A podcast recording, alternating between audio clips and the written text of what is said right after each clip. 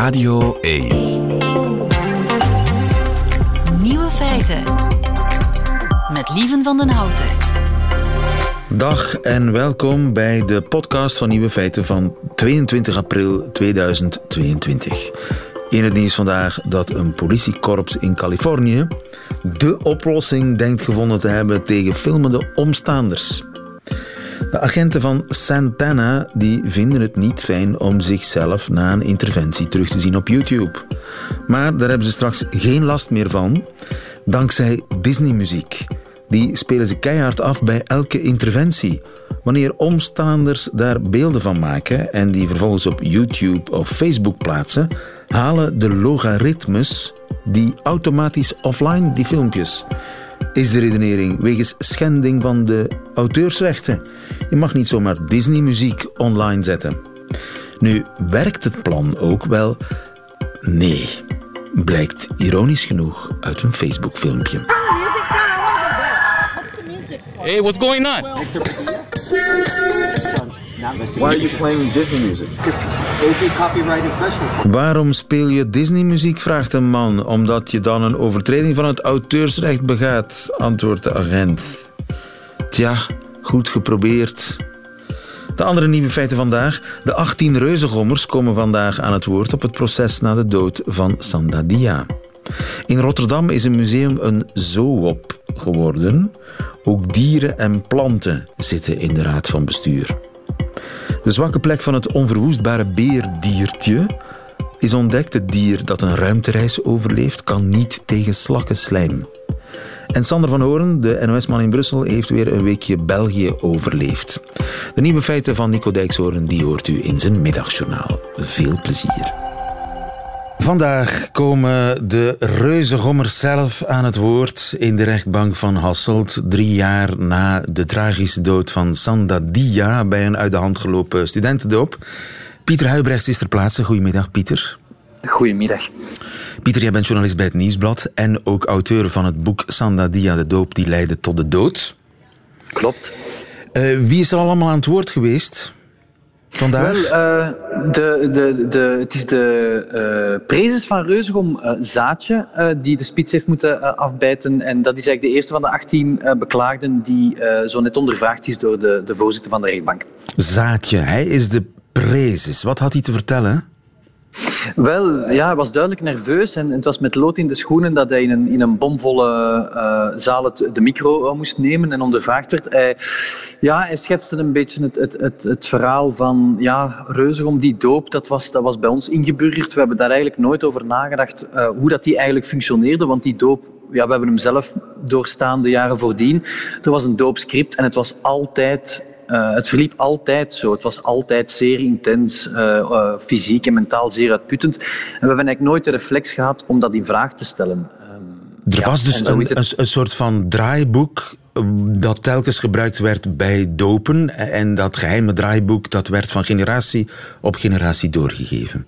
Ja, dat werd, dat werd wel wat aangevuld en jaar na jaar werd dat iets bruter, iets, iets brutaler en fysiek uitputtender. Maar er werd eigenlijk niet door hen, zij toch nooit echt over, over nagedacht. Dat was een heilig ritueel voor hen en zij voerden dat minutieus uit. En zij hebben eigenlijk doorheen die tweedaagse doop op geen enkel moment de reflex gehad, zei hij, om, om stil te staan bij wat ze eigenlijk voor, voor waanzinnige dingen aan het doen waren. En hij zei, ja, er was een cultuur van overdreven uh, drankmisbruik. En die fysieke proeven waren, waren bijzonder, bijzonder zwaar. En ja, dat is de, de, de, grote fout die we gemaakt hebben. We hebben nooit de reflex gehad om te denken van, ja, hoe kwalijk is, die, is, is, is dat gebruik van die vissaus nu eigenlijk? En, en wat er rationeler moeten stilstaan bij het feit ja, dat er sprake was van onderkoeling, dat er, ja, dat er sprake was van heel zware proeven. En we hebben nooit, ja, we hebben nooit tijdig ingegrepen. En dat is het, het grote drama van, van, van dit verhaal. Ja, en is Zaatje, zoals zijn bijnaam is, is hij de man die de jerrycan Thaise vissaus van 4,5 liter heeft gekocht? Wel, natuurlijk niet. Hè. Niemand heeft die gekocht en, en niemand heeft die... Oh, niemand heeft die gekocht? Die was er toch? Niemand heeft, ja, die was er toch, maar niemand heeft die toegediend. Niemand is daar eigenlijk voor verantwoordelijk. Dat is een van de hamvragen op dit proces van kijk, van wie heeft dat ja, dat zoute goedje dat eigenlijk dodelijk is gebleken, eigenlijk toegediend. Um, ja, daar gaat heel veel discussie over zijn en daar wordt wat naar elkaar gekeken, dat wordt in het midden gelaten. Uh, want het is natuurlijk ja, achteraf gezien uh, de doodsoorzaak gebleken. En ja, dat, uh, dat heb ik hier nog niemand horen toegeven. Ja, de beschuldigingen zijn onopzettelijke doding, toediening van schadelijke stoffen, onterende behandeling en schuldig verzuim. Die ja. zaadje pleit die schuldig of onschuldig? Wel, die, die, geeft bepaalde, die geeft bepaalde dingen toe, zoals die mensonterende behandeling en dergelijke. En die, die onopzettelijke doding, daar, daar geeft hij bepaalde aspecten van toe. Um, voor de rest uh, ontkent hij de andere kwalificaties. Hè. Um, daar gaat de komende week nog verder over gedebatteerd worden. Natuurlijk, dit is maar een eerste inleidende verhoor van de voorzitter. Zij komen ook de komende... De echte verdediging van, van, van de prezes van Reuzegom volgt pas volgende week. Ja, nu, de conclusies van de advocaten die zijn al gemaakt natuurlijk. Die hebben die moeten indienen. Opvallend daarbij is dat veel van de advocaten van de reuzengommers onschuldig pleiten. Wij hebben eigenlijk geen illegale dingen gedaan. Het is Sandadia zelf die de saus heeft opgedronken. Ja, Hij is dat vrijwillig is, dat is... meegegaan in die doop. Ja, ja, Dat, is, dat is wel verbijsterend, hè? Als je dat... dat is een markant feit en dat is bijzonder zwaar aangekomen ook bij de, bij de, bij de nabestaanden van, van Sandadia. Die, die, ja, die, één advocaat sprak zelfs van automutilatie in, in die conclusie. Zelfverminking. En zelfverminking, ja. Dat is natuurlijk uh, ja, dat is, dat is bijzonder schokkend overgekomen. En, maar als je ja, het strikt juridisch bekijkt, is, klopt het misschien wel?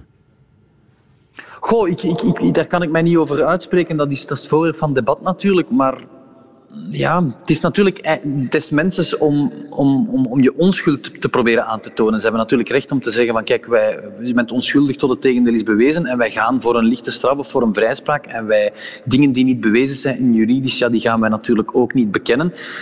Ja, dat is natuurlijk het, het, spel van de rechtbank dat nu speelt en de discussie. Maar het is zeer opvallend dat, dat van die 18 beklaagden er eigenlijk amper tussen zitten die bepaalde misdrijven toegeven. En ja, dat is toch... Uh, ja, Zeer markant. Zeer markant. Jij volgt die zaak nu al een hele tijd. Je hebt dat boek geschreven. Heb jij enig idee? Want dat is iets wat ik toch moeilijk begrijp en met mij vele anderen toch. Waarom? What's the point van zo'n geweld? Wat, wat, wat speelt hier? Is dat een soort mannelijkheid tegenover elkaar bewijzen, een soort pikorde samenstellen, een soort stoer doen tegenover de vorige generatie. Wij doen nog straffer. Wat is de bedoeling? Eh, hele goede vraag. Uh, ja, uh, het, is, is, is een combinatie van veel dingen, denk ik. Een elitaire club, stoer doen, heel jong zijn ook, want ik heb bepaalde reuzengommers gesproken voor mijn boek. En, en ja, je merkt dat die jongens heel, heel jong zijn. Groepsdruk, hiërarchie, um, ja, niet durven ingaan tegen die hiërarchie, een beetje meeloperschap. Uh, heel dom handelen, uh, onvolwassen zijn, zich willen bewijzen en, en vooral ja, niet, niet nadenken over wat ze eigenlijk aan het doen zijn, waardoor dat eigenlijk compleet ontspoord is. Ja. Wat wel opvalt is dat uh, veel van hen echt topadvocaten onder de arm hebben genomen. Het is echt ook een, ja, om het zo te zeggen, een elitaire club wel, het is een, het is een pleiade aan, aan, aan Slans bekendste strafpleiters. En nu als ik in, in de schoenen van een reuzegommer zou zitten, zou ik denk ik ook een bekende advocaat onder de arm nemen met heel veel, uh, met heel veel ervaring en heel veel assisezaken. Bijvoorbeeld de teller, dit is nu een correctionele strafzaak, maar, maar wel een hele belangrijke.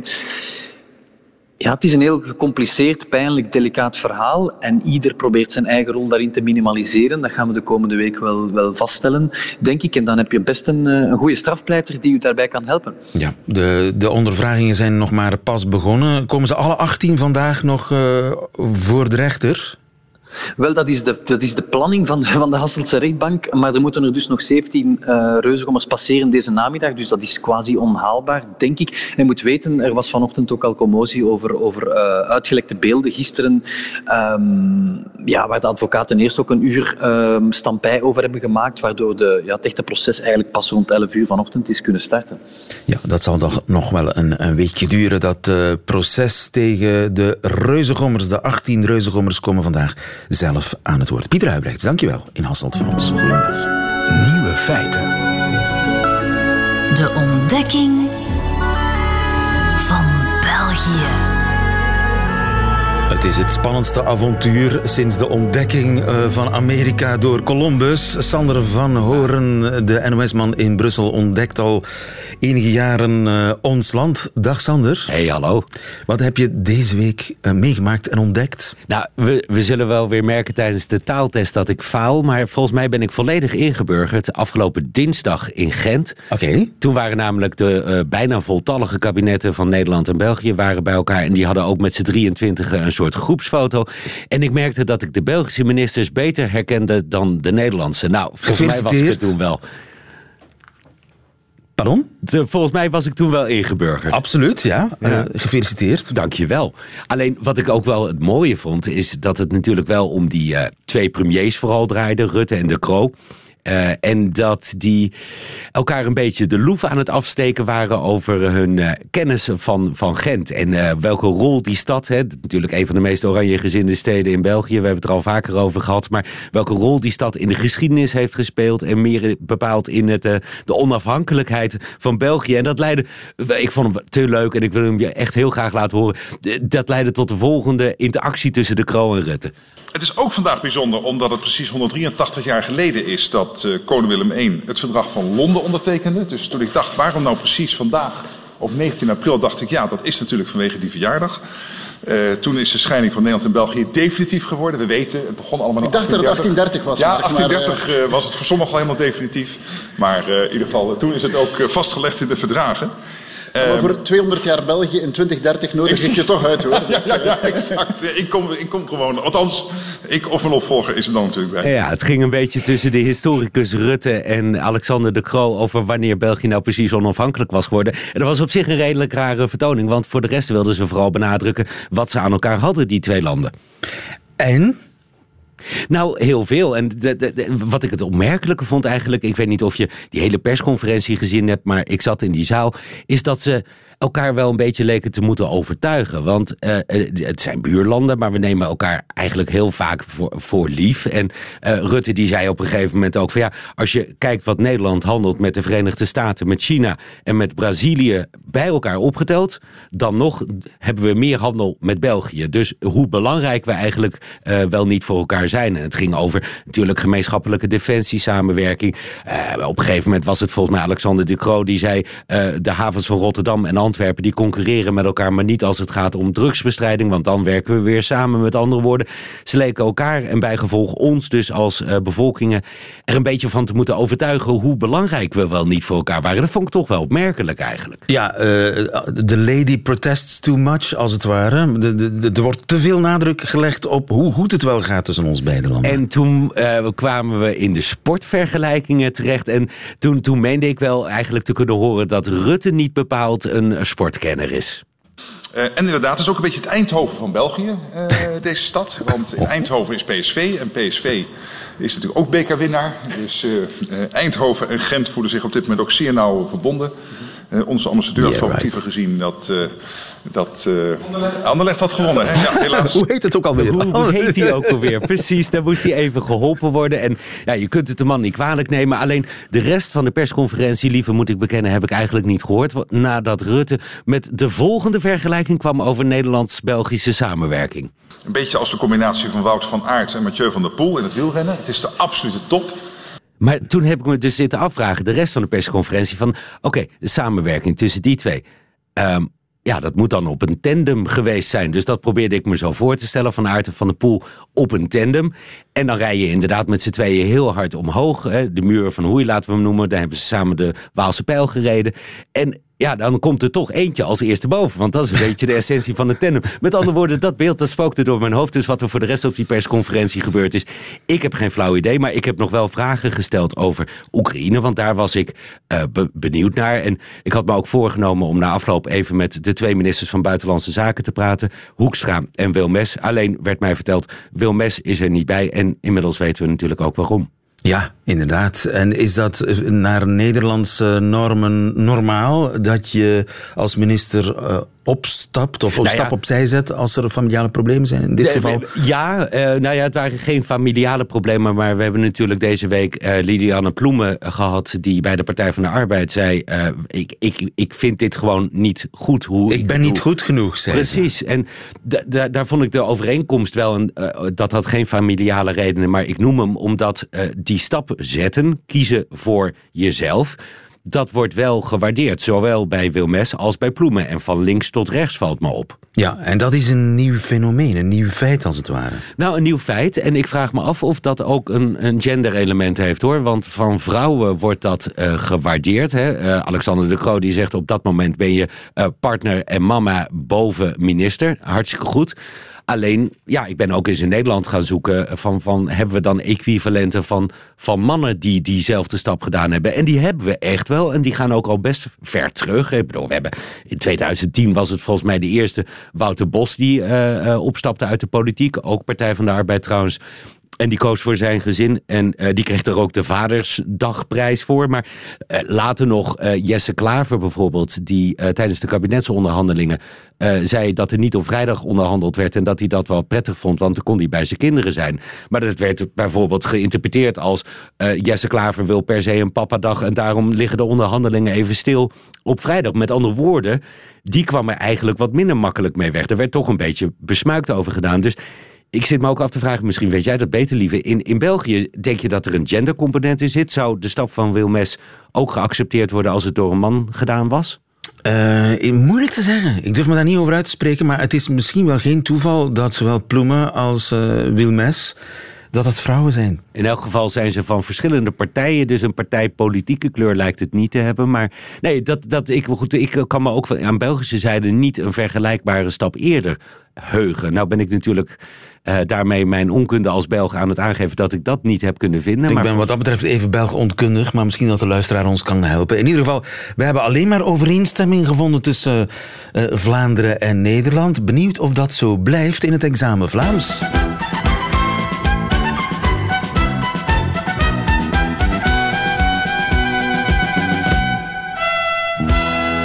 Examen Vlaams. Want ook vandaag weer zit het venijn in de staart.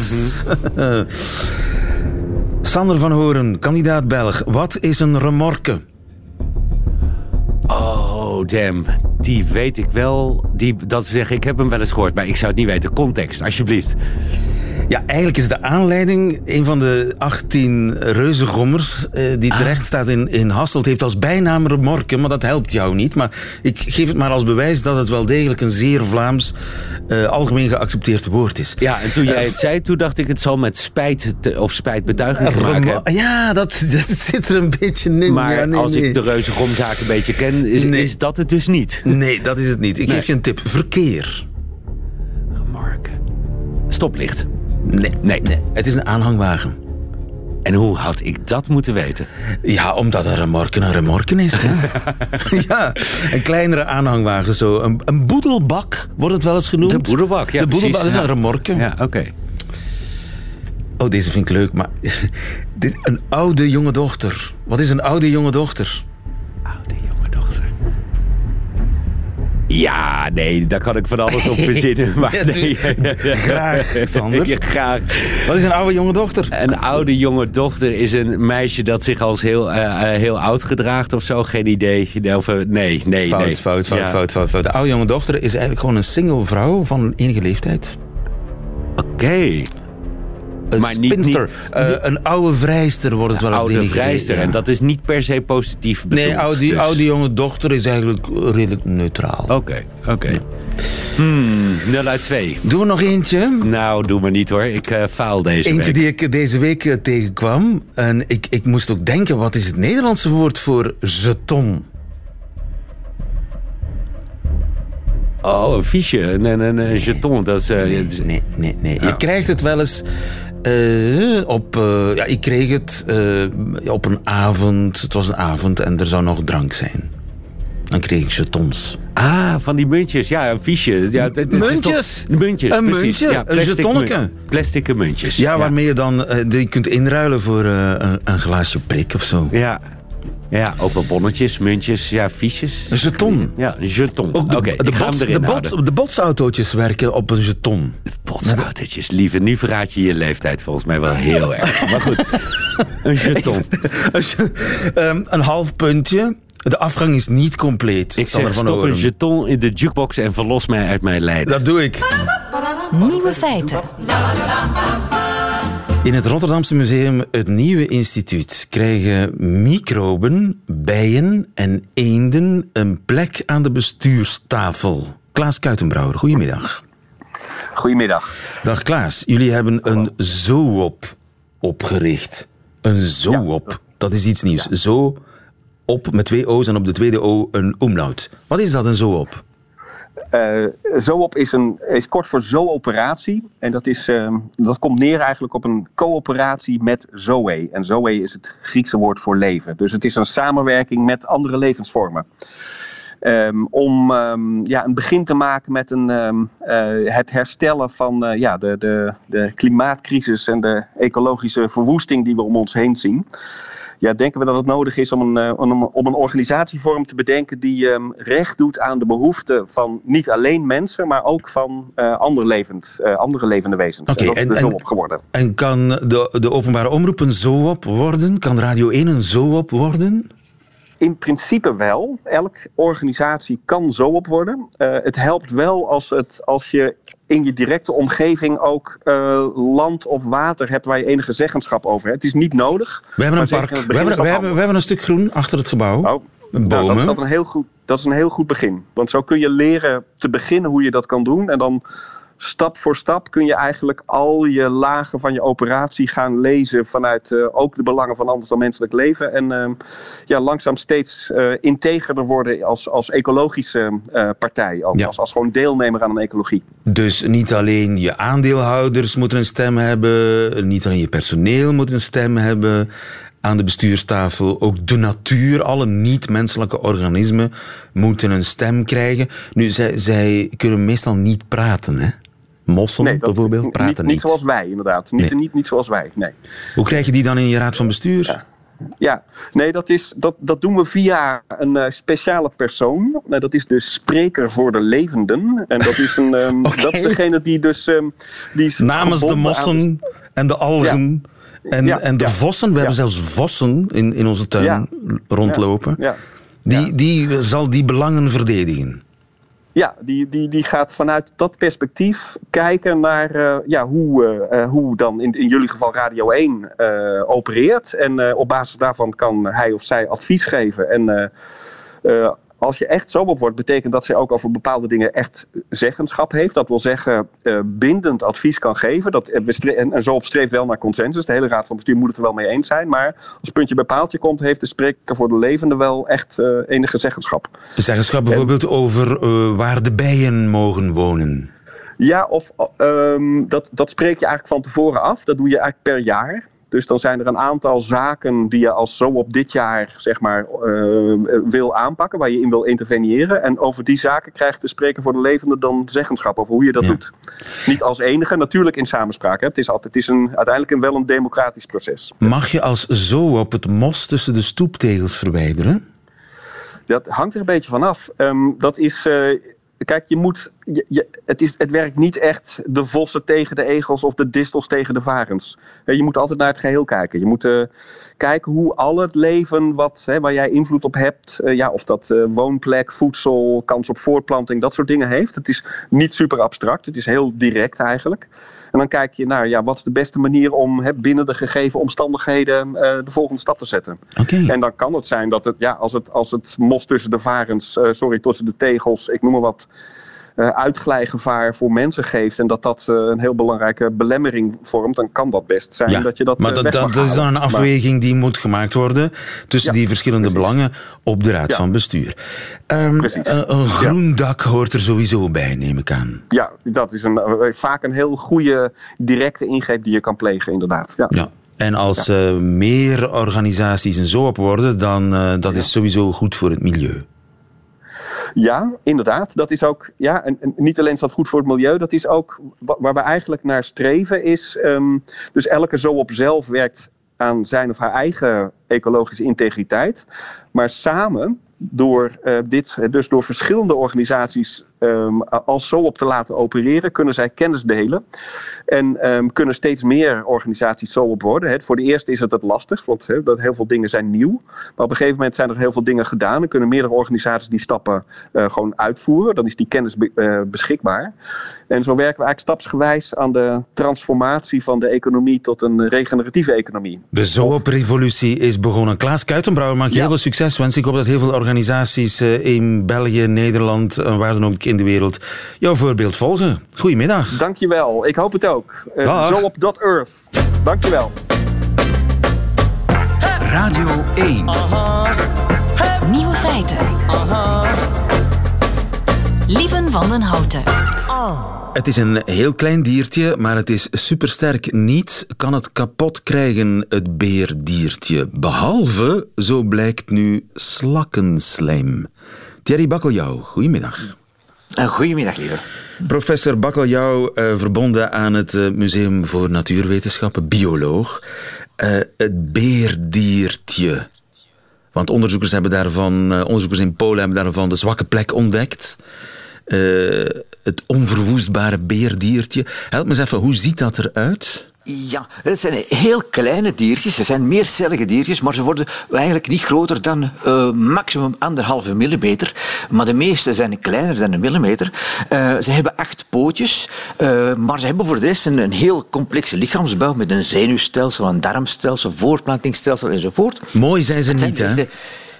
Mooi. Wel, dat, dat is een beetje natuurlijk voor discussie vatbaar. Maar ze zien er een beetje uit als ronde tonnetjes op, op, op, ja, op acht pootjes. Zo kan je ze misschien het best omschrijven. Um, en uh, in hun, wetenschappelijke naam is tardigrade. En daar hoor je een tardi, dat wil zeggen traag, grada, voorschrijden. Het zijn dus uh, letterlijk trage lopers. Hè, die ze, dus, uh, ze gebruiken dus hun pootjes om rond te kruipen tussen mos of rond te zwemmen in, in water of zo. En waar Je vindt ze overal ter wereld. En dat is ook heel merkwaardig. Het zijn diertjes die je uh, onder de ijskap in de Zuidpool kan vinden, uh, tot in de tropen. Je kan ze vinden in de diepzee tot 6 meter, 6000 meter diepte en in het hooggebergte tot 4000 meter hoogte. Dus ze komen vrijwel overal op aarde voor. En ze kunnen overal tegen. Ze zijn onverwoestbaar, niet kapot te krijgen. Ja, dat is, ze zijn inderdaad heel bijzonder. Het zijn echte overlevers. Uh, in die zin dat zij, bepaalde soorten toch alleszins, uh, kunnen tot uh, temperaturen verdragen die zo laag gaan als bijna, bijna het absolute nulpunt. Dus dat wil zeggen tot min 270 graden Celsius kunnen zij kort overleven. Soms kunnen ze ook hoge temperatuur overleven tot bijna 150 graden Celsius. Dat kunnen ze ook overleven. Uh, ze kunnen ingevroren worden, ingevroren worden en dan kunnen zij tot tientallen jaren overleven in die ingevroren toestand. He? Zij kunnen Hoe doen ze dat? Ja, daar hebben ze een speciaal systeem, een heleboel systemen voor. Uh, en die hebben de heel moeilijke naam van uh, cryptobiose. En een van de bijzondere vormen van die cryptobiose, cryptobiose is eigenlijk een schijndoodstadium. En een van de vormen daarvan is an, anhydrobiose. En anhydrobiose, dat is een vorm van uitdroging. Ze gaan dus eigenlijk al het water uit hun lichaam verwijderen. Ja. En in een soort uitgedroogde toestand kunnen ze heel lang uh, blijven voorbestaan in ja, een vorm van schijndood. Oh ja, dus je stopt ze 30 jaar in de diepvries, je haalt ze eruit en uh, na een paar uur leven ze weer. Dan kruipen ze gewoon terug rond. Ja, absoluut. En, en kun je ze doodschieten? Aantal... Doodschieten, ja, letterlijk en figuurlijk. Dat klinkt een beetje raar. Hè? Natuurlijk, de kogel is altijd veel groter dan de diertjes. Maar inderdaad, men heeft een, uh, heel onlangs nog uh, onderzoek gedaan om, te, om na te gaan wat voor inslag, hè, dus plotse inslag die diertjes kunnen uh, weerstaan. Dus een kogelinslag. En daar heeft men gevonden dat die diertjes een inslag van tot 900 meter per seconde dat is ongeveer 3000 kilometer per uur. En dat komt overeen met een kracht van ongeveer 100 kilogram kracht per vierkante millimeter. Kunnen Jeetje. weerstaan. Uh, en dat is een heel belangrijk... Batman is er niets tegen. Absoluut niet. Hè. Dus Superman, Batman zijn eigenlijk uh, amateurs in vergelijking met wat mosbeertjes aankunnen. Ja, en nu is toch hun zwakke plek ontdekt. Hoe is dat kunnen gebeuren, die ontdekking? Wel, men was dus bezig met onderzoek van slakken en mosbeertjes. En men wil eigenlijk weten hoe mosbeertjes zich kunnen versplaatsen in de omgeving. En een van de mogelijkheden was dat ze eigenlijk niet zelf, want het zijn dus trage kruipers, dus ze zijn niet goed in zich verplaatsen, maar dat ze dus gebruik maken van andere organismen uh, die hen dan zouden meedragen. Ze liften. En een van de mogelijke organismen waren slakken. Het zijn lifters dus eigenlijk. Ze liften mee met slakken. Ze liften met slakken, of ze liften... En uh, ja, natuurlijk, slakken, dat zijn slijmerige dieren. En slakken kruipen rond door het gebruik te maken, door gebruik te maken van dat slijm. En dus die mosdiertjes, hun, is dat die, die kunnen dus opgepikt worden door dat slijm, blijven in dat slijm hangen en kunnen zo worden rondgedragen. Maar wat blijkt nu? Mosdiertjes die in dat slijm gevangen worden, gaan minder goed overleven dan mosdiertjes die niet met dat slijm in contact komen. En dat verschil is vrij groot. Dus mosdiertjes die niet in contact komen met slijm, maar gewoon rond uh, blijven in, in, in, in, het milieu zitten, hè, die hebben een overlevingskans van tot 98 procent. Terwijl in de proef die men de mosdiertjes die waren meegedragen in het slijm, maar een 34% kans overleefde. Dus blijkbaar dat slijm ja, had een negatieve invloed op de overleving van de mosdiertjes. Dan moet er iets in dat slakkenslijm zitten dat toch wel heel bijzonder is. Zeker en vast. En slakkenslijm is ook zo'n onderwerp, het klinkt een beetje raar, maar waar heel veel onderzoek uh, op gedaan wordt, omdat het slakkenslijm een aantal heel bijzondere, interessante kenmerken heeft. Dus slakken gebruiken hun slijm ja, voor rond te kruipen. Het is dus eigenlijk een, een, een hulpmiddel bij de voorbeweging, maar een heel uh, speciaal hulpmiddel, omdat het bijzonder veel energie kost om dat slijm te produceren.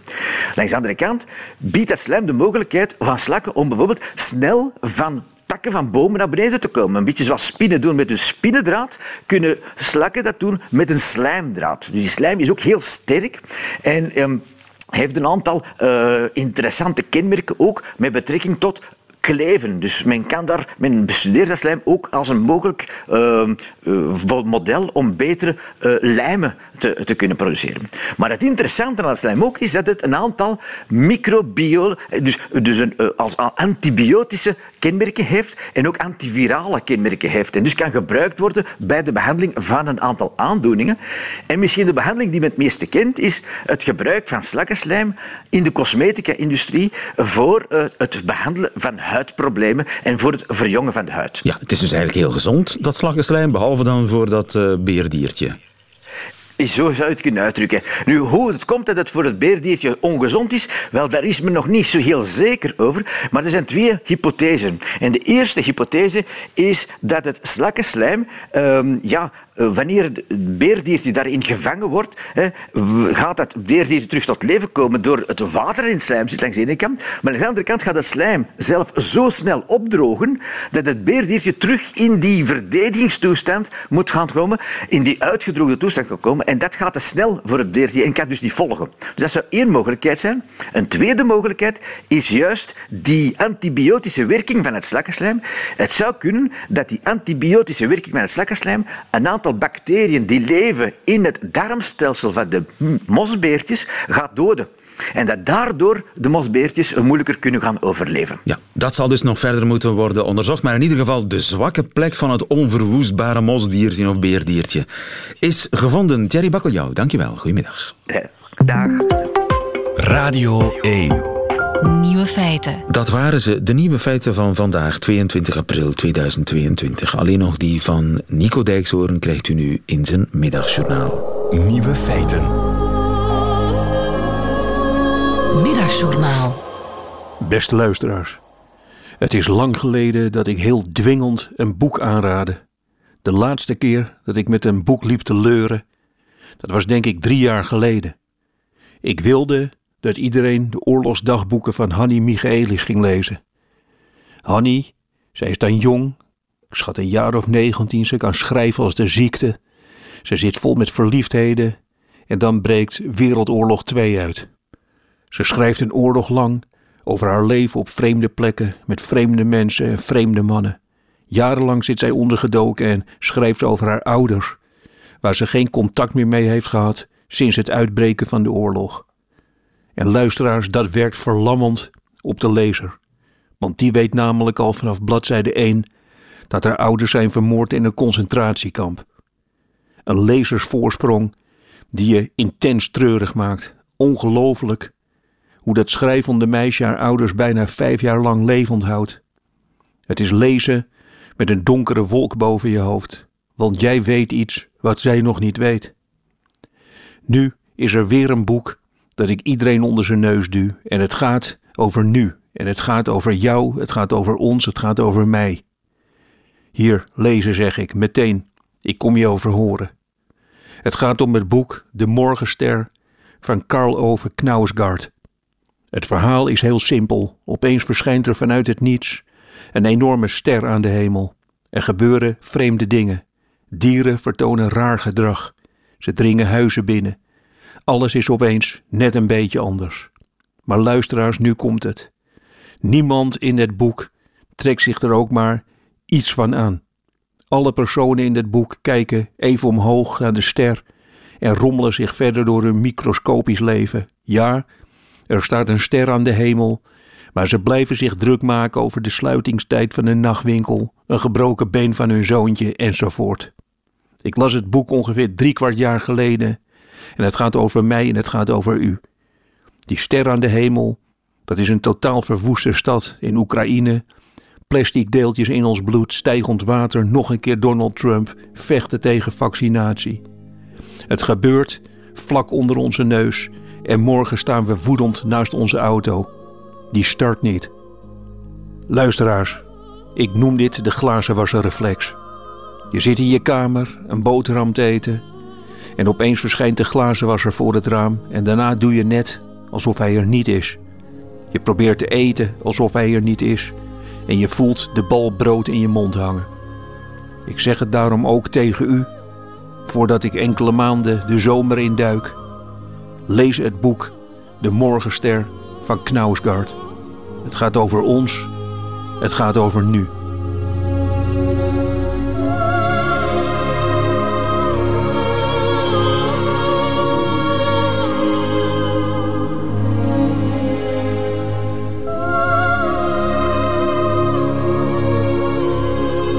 Het middagjournaal met Nico Dijkshoorn. Einde van deze podcast. Hoort u liever de volledige nieuwe feiten met de muziek erbij? Dat kan natuurlijk on demand via radio1.be of de Radio 1 app.